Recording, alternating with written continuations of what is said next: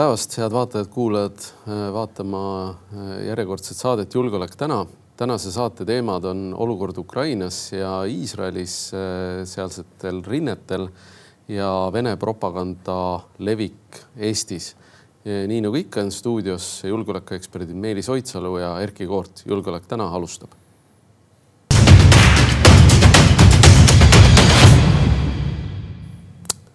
no nii, enne kui me lähme päris teemade juurde, vaatame üle korraks äh, edetabeli. et äh, edetabelis on meil sellised äh, sündmused täna nagu äh, äh, üks, üks punt siis või üks kimp asju on parlamendist, eks värelused riigikaitsekomisjonis, kus äh, tundub, et äh, on tekkinud kollektiivne kaitseväe juhataja. noh, riigikaitsekomisjonis tavapäraselt on hästi palju kindraleid kes äh, suure tõenäosusega ole, on kõik omanud või noh, ongi kõik omanud potentsiaali saada ka kaitseväe juhatajaks. noh, mingil põhjusel on eks karjäärid läinud teisiti, täna nad on parlamendis ja, ja selge, et äh, noh, parlamendil on loomulikult roll riigikaitses aga on tekkinud selline kollektiivne teadvus äh, kaitseväe, kaitseväe juhataja näol seal. viimase kolmekümnendi jooksul äh, riigikaitsekomisjoni ja täitevvõimu või keskvõimu vahelisi nägelemisi on ikkagi ette tulnud ja kummalisel kombel jah, seda tsiviilkontrolli kaitseväe üle nõuavad kõige rohkem endised kindralid. no ja äh, aga tõesti, et sellel või eelmisel nädalal siis tulid avalikuks äh, küsimused eh, praegusele riigikaitsekomisjoni juhile Kalev Stoicescule, peamiselt siis eh, endise Kaitseliidu ülema Meelis Kiili poolt. Ja, ja tegelikult sellel sündmusel noh, ei paistagi olevat rohkem sisu kui selline noh, natukene võib-olla jõujoonte paikapanek või erinev arusaam, mida täpselt peab täitma siis üks või teine komisjon, et kui meenutada siin näiteks julgeolekuasutuste järelevalvekomisjoni, siis ka seal on sõltunud hästi palju, eks esimehest, kas ta on teinud sellist järelevalvet, on olnud jututuba või on olnud äh, noh, näiteks Jaanus Rahumäe ajal pigem selline püüdis olla äh, julgeolekuasutusi koordineeriv Äh, koordineerivas rollis, mitte niivõrd järelevalvas, et need, et selliseid asju ikka ja. tuleb ette et.... viimane see idavedude skandaal ka Jürgen Ligi juhtimisel toimivale kapo komisjonile just nagu head valgust ei heida, et, et kuidagi ära kadusid need küsimused Äh, ka äh, äh, riigikogulaste poolt selle kohta, et mis see kapo roll seal üldse oli? no võib-olla kõik said ammendava vastuse, ega me ju ei viibinud komisjoni istungil. ei viibinud, aga noh, mingi üldine kommentaar, millest inimesed aru saaksid ilma riigisaladust reetmata, oleks sobilik, ma ütleks, et mida me, mis me nendest komisjonidest valime või nendest mm -hmm. rahvaesindajatest sinna, kui nad ei tegele sellise kommunikatsiooniga mm. -hmm. et noh, Jürgen Ligi ei oleks pidanud, oleks pidanud üldse taandama ennast selleks ajaks minu arust komisjoni esimehe kohal järgmine sündmus Riigikogus loodi elanikkonnakaitse toetusrühm, et elanikkonnakaitse sai siis kaks tuhat kakskümmend kaks, kaks tuhat kakskümmend kolm viiskümmend kaks miljonit. järgmise aastasse on ehm, suurusjärgus kaks koma kaheksa, kaks koma kolm, kaks koma kaheksa miljonit. ja loomulikult seal on väga palju muid rahasid ka, mis on tulnud siseministeeriumi haldusalasse aga, aga noh, konkreetselt sellesse elanikkonnakaitsesse on olnud vähe. Äh, mäletatavasti elanikkonnakaitse oli arutelul ka riiklikult tähtsa küsimusena parlamendis ja, ja nüüd on siis loodud elanikkonnakaitse toetusrühm, äh, mis on iseenesest positiivne areng, aga, aga seal tekib ka nagu survemoment edasiliikumisel? natuke kogu see protsess praegu näeb välja ikkagi sedasi, et see esimene rahasutsak tehti ära siin suure ohutaju keskel, aga saadi nii-öelda maja mingi sõrestik püsti, peeti sarikapidu ära ja ega seda plaani ka näha ei ole, noh, sisulist kavatsust, kuidas nagu ressursside ja piirangute raames see maja valmis saada, et see on see usutavuse probleem seal peamiselt, ma arvan, nii päästeametnikele kui teiste, kes seda ellu peavad viima kui ka, kui ka rahvale, et poliitikas ikkagi äh, tulemuste põhjal antakse, mitte kavatsuste põhjal äh, ordeneid ja elanikkonnakaitse arendajatele, noh, vara on ordeneid jagada. No tõsi on, et, äh, et Päästeamet tegelikult on teinud väga suure pingutuse selleks, et seda, seda temaatikat, mida mida ei ole Eestis äh, üks kolmkümmend aastat oluliseks peetud, et mille eest pigem, millest rääkimise eest äh, keegi rääkis kümme aastat tagasi varjenditest, pigem noh, ülekantud tähenduses visati kividega surnuks, siis noh, see on suur samm edasi, mis me oleme teinud täna. samas on see, et ka sellest viiekümne kahest miljonist tegelikult osad hanked ja, ja tarned juhtuvad alles järgmisel aastal aga sellest ei tohi lasta ennast eksitada, et äh, midagi, mida me oleme rahastanud täna, tuleb meile homme, sellepärast et see võib meid äh, uinutada. olukorras, kus nüüd noh, maailmas üldse konfliktide arv on kõvasti tõusnud, e, kümnend tagasi oli kolmkümmend kolm aktiivset sõjalist konflikti, nüüd on viiskümmend viis. See trend ei näi minevat soodsas suunas, et sellises olukorras tekib ilmselgelt küsimusi, kui elanikkonnakaitse rahastamise isu kadus ära järsku nüüd valitsusel järgmiseks neljaks aastaks, oleme ausad, noh, nii see oli. ja siseministeerium peab mõtlema, kuidas noh, välja tulla natukene usutavate plaanidega ja natuke paremini müüa neid ka. ma arvan, me peame tegema üldse ühe eraldi elanikkonnakaitse saate, aga, aga ma ütleks siia juurde veel selle, et tõepoolest varjumine on ka hajutamine Eestis ja praegusel momendil on ikkagi kõige mõistlikum äh, ohu korral tegelikult äh, minna sohu, nagu seda on tuhandeid aastaid tehtud.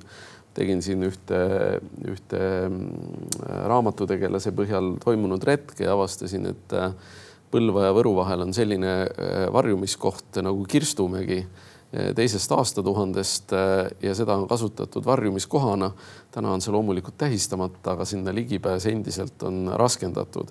aga noh, probleem on muidugi see, et tänapäeva inimene äh, ei saa seal hakkama enam. oota, mis seal ongi teisel sajandil või millal? Äh, teisel aasta, teise aastatuhande alguses oli, oli Kirstumägi kasutusel äh, kas see varjend on siiani alles? ei, see ei ole varjend see oli pelgupaik. äkki on midagi, mida Päästeamet võiks uurida ja siis. ja, et ühesõnaga Eesti on neid pelgupaiku täis, aga, aga inimesed ei saa seal ilmselt enam hakkama ilma telefoni ja laadimisega laadimisvõimalus. ma arvan, selle hästi lühidalt siia repliik lõppu, elanikkonnakaitse põhiprobleem on see, et et kui tullakse noh, rahastamiskavaga, mis on null koma viis protsenti SKP-st, ilmselgelt käib praegu nagu üle jõu valitsusele poliitiliselt, et siis äh, fookused peaks olema paigas, mis järjekorras asju teha, noh, seda loogikat oleks vaja rohkem eetrisse, see on ilmselt kuskil olemas, aga rohkem tuleb rääkida sellest äh, ja tõsi, üks asi veel võib-olla, mida edasi e-, esile tuua parlamendist on äh, tants kütusekaartide ümber. et äh, tundub ühelt poolt selline väike asi, aga kui see on äh, mõningatel juhtudel inimeste hind, kes peavad välja kuulutama sõjaseisukorda või ei pea seda välja kuulutama, siis see tegelikult on natuke murettekitav, sest kui vaadata, mis toimus ka Ukrainas, siis ka seal noh, on teada parlamendiliikmete äraostmine Äh, üleostmine, ülejooksmine. Äh, ma arvan, et sellesse äh, kütusekaartide teemasse ei tohi suhtuda kergekäeliselt ja ka valija peab tegelikult olema nõudlik sellesama kütusekaardi suhtes. et kui paagitäis bensiini on see hind, mis, mis mõnel juhul on, mõjutab inimese käitumist, siis see on probleem ilmselt on see signaal, et jõustruktuuridel äh, on aeg üle vaadata kogu Riigikogu liikmeskonna nii-öelda tarbimiskäitumine ja vaadata siis, kellelt milliseid kütusekaarte on saadud, see ei pruugi üldse Eesti riigilt olla saadud, see kütusekaart. siin on päris palju on äh, noh, Lukoili kütusekaarte Eestis enam ei ole muidugi õnneks, aga, aga tuleb tunnistada, et äh, siin on päris palju arutatud, et kas need kuluhüvitised tuleks ära kaotada üldse noh, meenutagem, et ka valitsuse liikmetel on kakskümmend protsenti palgast kuluhüvitisi, mille kohta mitte keegi ühtegi tšekki ei osuta ei esita. Äh, mingisugused kuluhüvitised ilmselt on mõistlikud, aga tundub, et nende tänane selline seda tüüpi jagamine noh, võib-olla võiks olla üldse fraktsioonipõhine, et fraktsioonil on ette nähtud mingid kuluhüvitised, mida siis inimesed sealt taotlevad, kui seda ei suudeta omavahel äh, kokku leppida. jah, ilmselt on seal noh Riigikogu Kantseleilt ma tegelikult ise, need on ju aeg-ajalt korduvad jamad, need varastamised seal, oleme ausad, Riigikogu liikmete poolt. kunagi oli suur probleem majoneesi ostmine. noh, nüüd on, nüüd on see, nüüd on see nendepoolne nii-öelda tegevus ka arenenud ajas, aga Riigikogu Kantseleile on mul ka kogu aeg olnud küsimus, et kui sulle tuuakse noh, diisli ja bensiini tšekk, eks ole, korraga et noh, see peaks igas raamatupidamises lööma juba noh, kõik kellad punasesse et, et sisekontroll võiks olla Riigikantseleis võib-olla natukene jäigem, siis ei pea iga kord politsei seda tegema seal.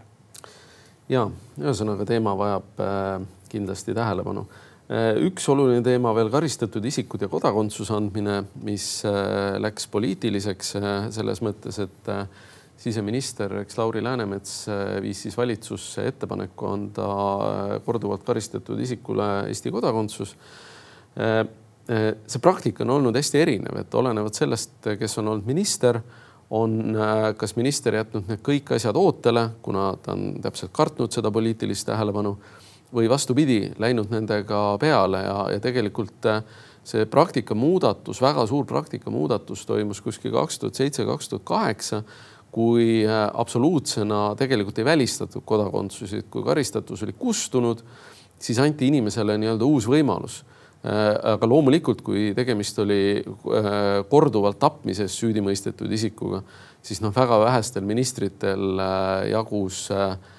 indu minna sellise ettepanekuga valitsusse.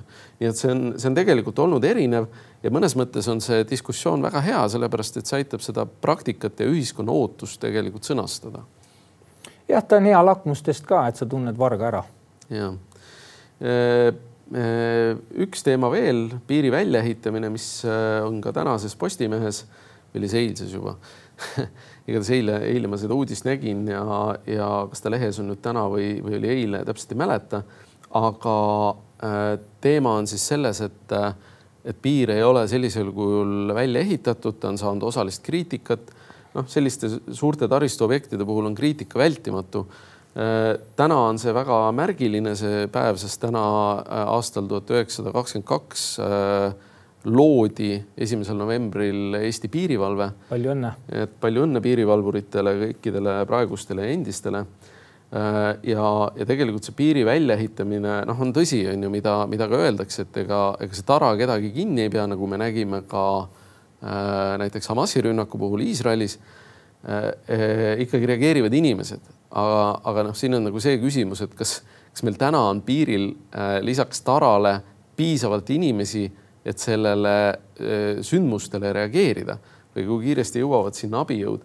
nii et selles suhtes küsimus ei ole kindlasti ainult taras või mingisuguses patrulltees.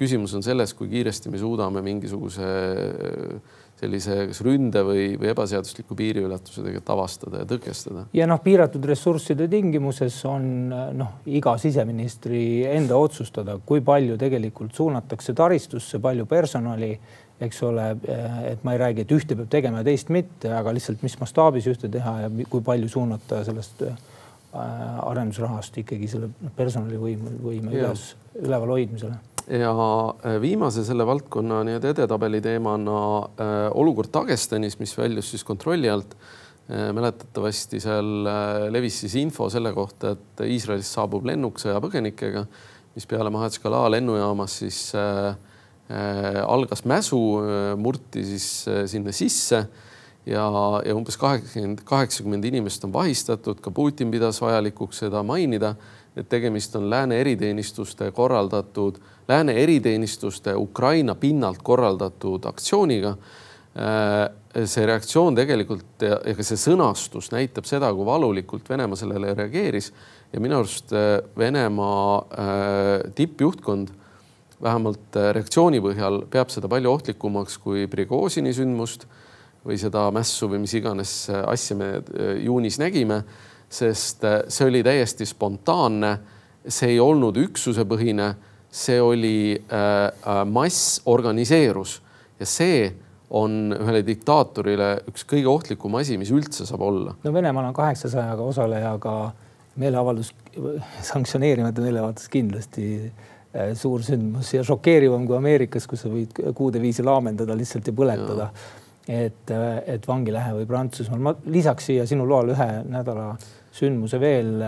riigiprokuratuur on sattunud kriitika alla Ehm, noh, kriitikat on Riigiprokuratuuri suhtes varemgi tehtud, võib-olla mida praeguse peaprokuröri osas küsida, on see, et kui palju tema tähelepanu on olnud, noh, tema kriitikud ütlevad, et tema tähelepanu on olnud võib-olla tema edasisel karjääril natuke liiga palju ja et ta oleks rohkem olemas, eks ole, Eestis siin prokuratuuri juhtimisel ka. et senised nii-öelda vastused Parmaselt on olnud sellised noh, ehk ametnikud vastused sellised, kõik on paratamatu, mis toimub ja nii edasi. et kui peaprokurör ise ei leia ühtegi noh, parandamise kohta, millega välja tulla avalikkuse ette praegu, siis ma äh, pakun, et ta ei ole piisavalt analüüsinud neid kohti, iga juht leiab alati midagi, et äh, Parmas võiks ka natukene enne seda, kui ta siin rahvusvahelisele äh, karjäärile riigi toel, rahalisel toel ka nii-öelda tuul tiibadesse antakse, et võiks natukene võib-olla enesekriitilisem olla konstruktiivselt. ma arvan, meie mõne suursaadiku äh, vastuvõttudel kulutatakse aasta jooksul ära rohkem raha kui Parmase kampaania peale.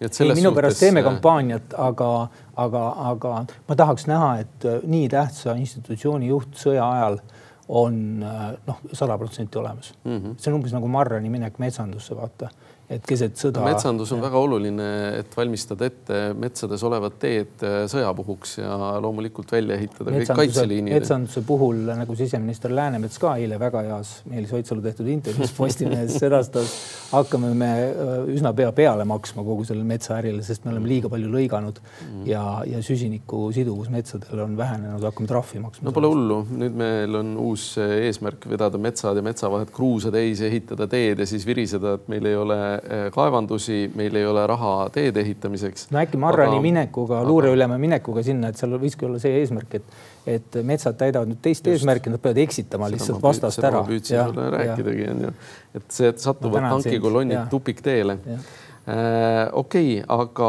äh, selle Dagestani sündmuste juurde ma korra veel tuleks, hüppaks tagasi ainult ühe remargiga. Sellest Dagestani sündmustest tõukuvalt, eks Tšetšeenia valitseja Kadõrov andis oma üksustele korralduse meeleavaldajad maha lasta, kui nad tänavale peaks tulema ükskõik mille eest või vastu nad protestivad, eh, kolm korda hoiatada ja siis neljas kord eh, kuul otsa ette. et suhteliselt eh, radikaalne see hoiatuslask tuleb siis ilmselt valanguna. hoiatuslask tuleb ilmselt valanguna tõesti ja, ja korraks tagasivaade ajalukku. tuhat kaheksasada kaheksakümmend üheksa oli Eestis kohtureform, toonases küll Balti provintsis kus likvideeriti raed ja Fogti kohtud, et äh, üldse mitte nii ammu, kui oleks võinud arvata. Äh, kakskümmend kaks, eks loodi, nii nagu juba enne mainisime, piirivalve äh, siseministeeriumi haldusalas ja kolmekümne esimesel aastal avati Tartu-Petseri raudtee, mis oli omal ajal strateegiliselt äärmine, äärmiselt oluline, sellepärast et Petseri piirkonnas olid ju olulised kaitserajatised ja sinna oli ka planeeritud kaitserajatisi juurde ja strateegiliselt oluline Petseri raudtee ehitamine oli Eesti kaitsmise seisukohalt ülioluline. sina kui lõunaeestlane, lugesin Twitterist, et tuleb Tartu-Riia vahele rongiühendus, kas see vastab tõele või see oli libauudis? oli see Hamasi propaganda? ei tea, küll tuleb Tartu-Helsingi vaheline lennuühendus taaskord seda eh, Tartu, eh, Tartu linnapea lubas. Ja maailmas siis esimesel novembril Itaalia-Türgi sõjas juhtus selline asi, et esmakordselt heideti lennukilt pomm sõjanduses tuhat üheksasada üksteist.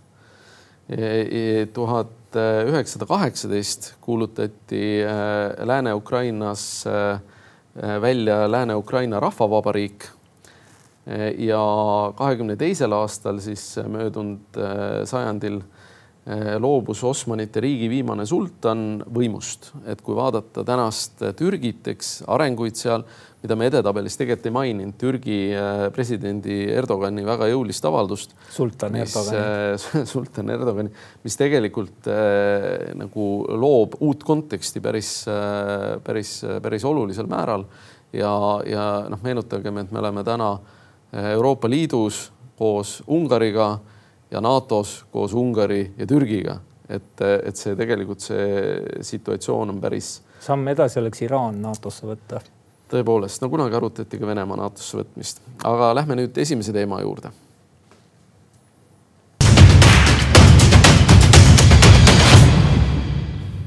nii olukord Ukrainas ja, ja äh, Iisraelis, et Iisraelis on alanud maavägede operatsioon Iisraeli armee on teatanud, et nad viivad seda läbi väga aeglaselt, et anda võimalus siis tsiviilelanikele ära minna, aga nad järjekindlalt hävitavad siis Hamasi kogu infrastruktuuri ja püüavad ühe meetodina siis sõjaliselt lõigata Gaza sektori kaheks, et lõuna ja põhjaosa eraldada. noh, see on selge, et see tekitab põgenike väljarände, et Egiptus on täna teatanud, eks, et ta kaalub piiripunkti suuremat avamist äh, siis Gaza ja Egiptuse vahel. täna on avatud see väga raskelt haavata saanutele. Äh, aga, aga selle, selle asjaolu peale mõeldakse, noh, lihtsalt konteksti loomiseks on Gaza sektor umbes sama suur kui kaks Tallinna linna, kus elab kaks koma kolm miljonit inimest ehk et ühesõnaga, kui Tallinnal tänasel territooriumil elaks umbes üks koma üks miljonit inimest siis me saaksime selle tiheduse, mis on Gazas. Äh, ja eks Iisraeli jaoks äh, oli see hädavajalik, äh, see maaoperatsioon, sest et noh, sõja ajalugu on näidanud, et pole vist ühtegi äh, pommitamisega läbi viidud karistusoperatsiooni, mis oleks kuidagigi mõjus mis noh, mingisugustki nagu soovitud muutust tekitaks, et siin Hamasi poolt ükskõik, mis see ajalooline, ajaloolise õigluse kontekst siin ka ei ole et siin on Eesti äh, ühiskonnategelased ka, eks ole, vanad ja noored nagu Tammsaarel hakanud omavahel debateerima. Äh, et siis äh, noh, mõnes mõttes sõjaliselt ainuke pädev viis seda olukorda lahendada ongi niimoodi, et sa lähed ja puhastad lihtsalt nii-öelda need ruumid ära Hamasist, võtad maha nende taristu, võtad neid võimaluse lasta oma territooriumilt rakette võib-olla ka noh, teha midagi, et see pikaajalisemalt oleks kuidagi takistatud mm. -hmm. tõepoolest minu, minu jaoks on ka see värelus, mis on Eestis tekkinud, on äh, mitte isegi ootamatu, vaid äh, pigem natuke selline äh, kummaline, et äh, on tekkinud, eks mitmed avaldused sellel teemal äh,. eelmisel nädalal tuli äh, päris selline vasakpoolne avaldus äh, äh või oli see juba üle-eelmine nädal, äh, mis toetas pigem siis palestiinlasi ja, ja süüdistas Iisraeli. nüüd äh, eile tuli äh, avaldus, mis, mis toetas pigem Iisraeli. ja mis oli pigem ja, nagu vanema generatsiooni ja, tehtud. ja see on ka üldiselt läänes levinud muster, ongi Palestiina on teinud äh, just vasakpoolsete nii-öelda akadeemiliste ringkondade esindajatega selgitustööd rohkem ja siis Iisrael ilmselt vanemate eagruppidega, et nad võiks mõelda, kuidas nagu sihtrühmasid vahetada või varieerida natukene, et need sõnumid jõuaks kõigile kohale. see, et äh, Eestis debateeritakse, on igati legitiimne. ma ei halvusta otseselt ühtegi sellist ka emotsionaalset avaldust, noh, sõda ongi väga suuresti emotsionaalne ja see, mis seal toimub, on inimlik tragöödia, sellele tulebki tähelepanu juhtida ma ei loe neid avaldusi kui mingeid pädevaid nii-öelda seisukohavõtte, sest seal ei olnud vist väga Lähis-Ida eksperte ja julgeolekupoliitika. ma võtan selle, võtangi mingi emotsiooni avaldusena ja selle, selles, selle üle debatti kinnijäämine, et kes toetab Hamasi või mitte. mina ei usu, et need Eesti ühiskonnategelased Hamasi toetavad, nad ei tahtnud seda öelda. kommunikatsiooniinimest mm -hmm. ei mhm. olnud, kes seda teksti oleks üle vaadanud mm. -hmm ja, ja, ja noh, et siin ei, me ei pea siin otseselt nii-öelda nii mustvalgelt lähenema sellele küsimusele ja siis olema traumeeritud. küll aga mida see näitab hästi lühidalt, on see, et nii isegi Eestis, saati siis mujal suurtes riikides on praegu samasugune asi. Euroopa Liit komistas sisevastuoludesse kohe alguses, kaotas natukene nägu pärast seda, kui -hmm. Ukraina asjas oli ühtsus saavutatud, et nüüd järsku, eks ole mm, -hmm koperdati ja needsamad ametnikud, kes enne tegid Euroopa Brüsselis seal koostööd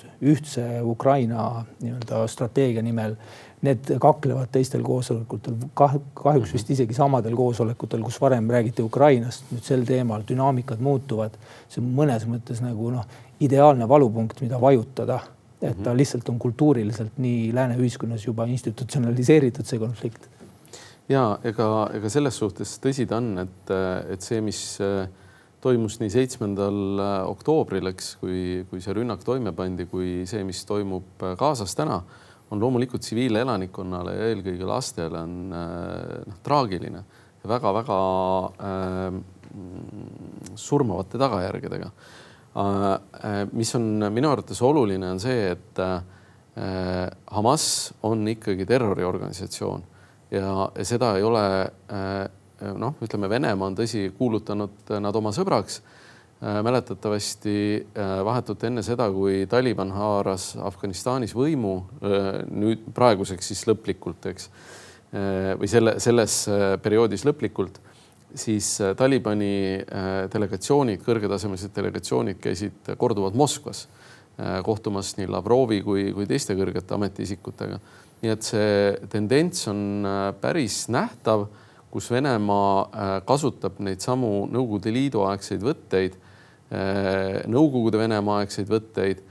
noh, kunagi eks internatsionaali loomiseks, millest ei tulnud midagi välja, aga, aga sellise probleemide üleskeeramiseks on seda piisavalt kui rääkida geograafiast, siis jah, Venemaale on tegemist tõesti Lähis-Idaga Venemaa jaoks, aga USA jaoks pigem Kaug-Idaga äh,. muidugi Iisraeli valitsuse ja, ja nende mõju Ameerika sisepoliitikale toob selle neile lähemale. aga Venemaa ja Nõukogude Liit on seda pidanud oma tagaõueks ja noh, hoidnud seal pikka aega klientriike, eks ole vahelduva eduga on seal USA ja, ja äh, Venemaa domineerinud. Venemaa nüüd Süüriasse sekkudes haaras initsiatiivi jälle.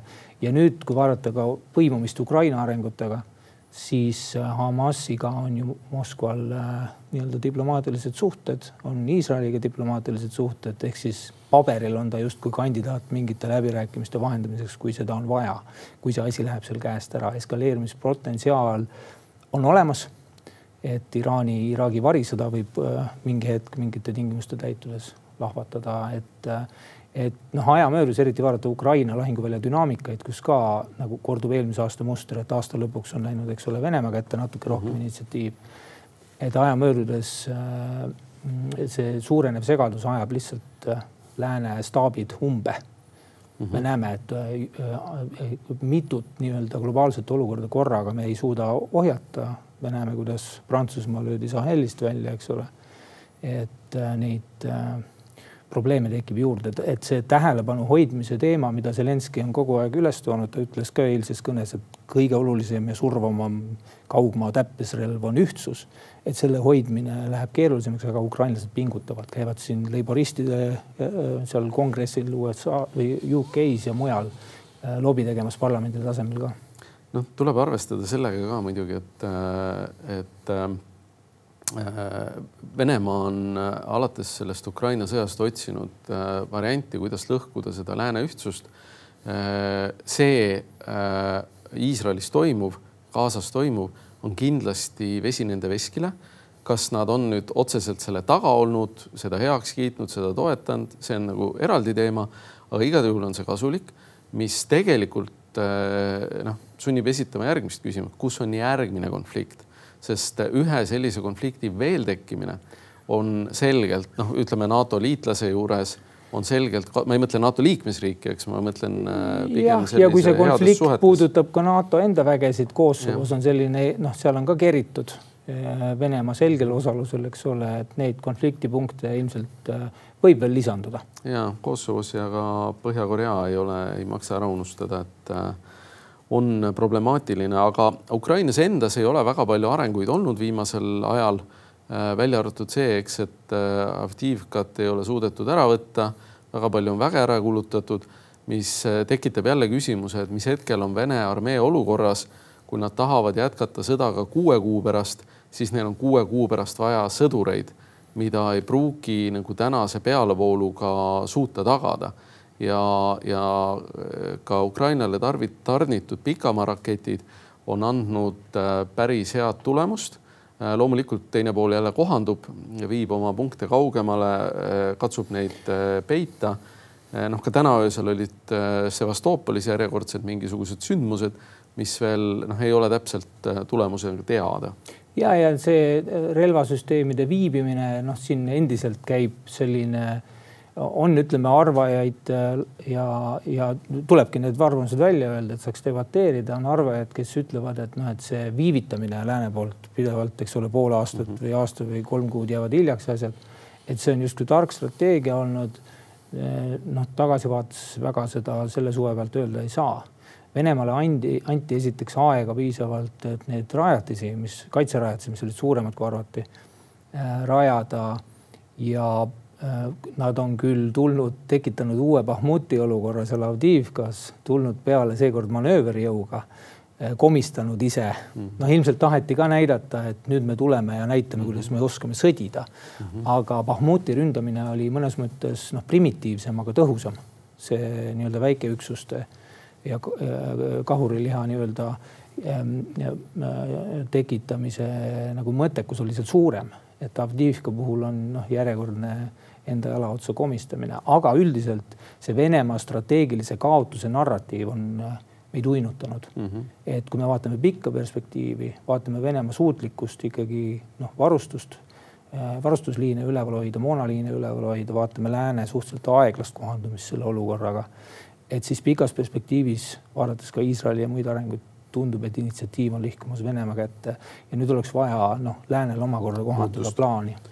tõsi ta on, aga tõmbame selle teema kokku, et, äh, et kindlasti äh, Äh, lähiajal äh, upuvad Ukraina ja Venemaa manööverüksused väljaspool teid äh, mutta. mis tingimusi see loob ja, ja kas, kas see võimaldab talvel mingisuguseid muudatusi? noh, seda me näeme peatselt, aga vahetame teemat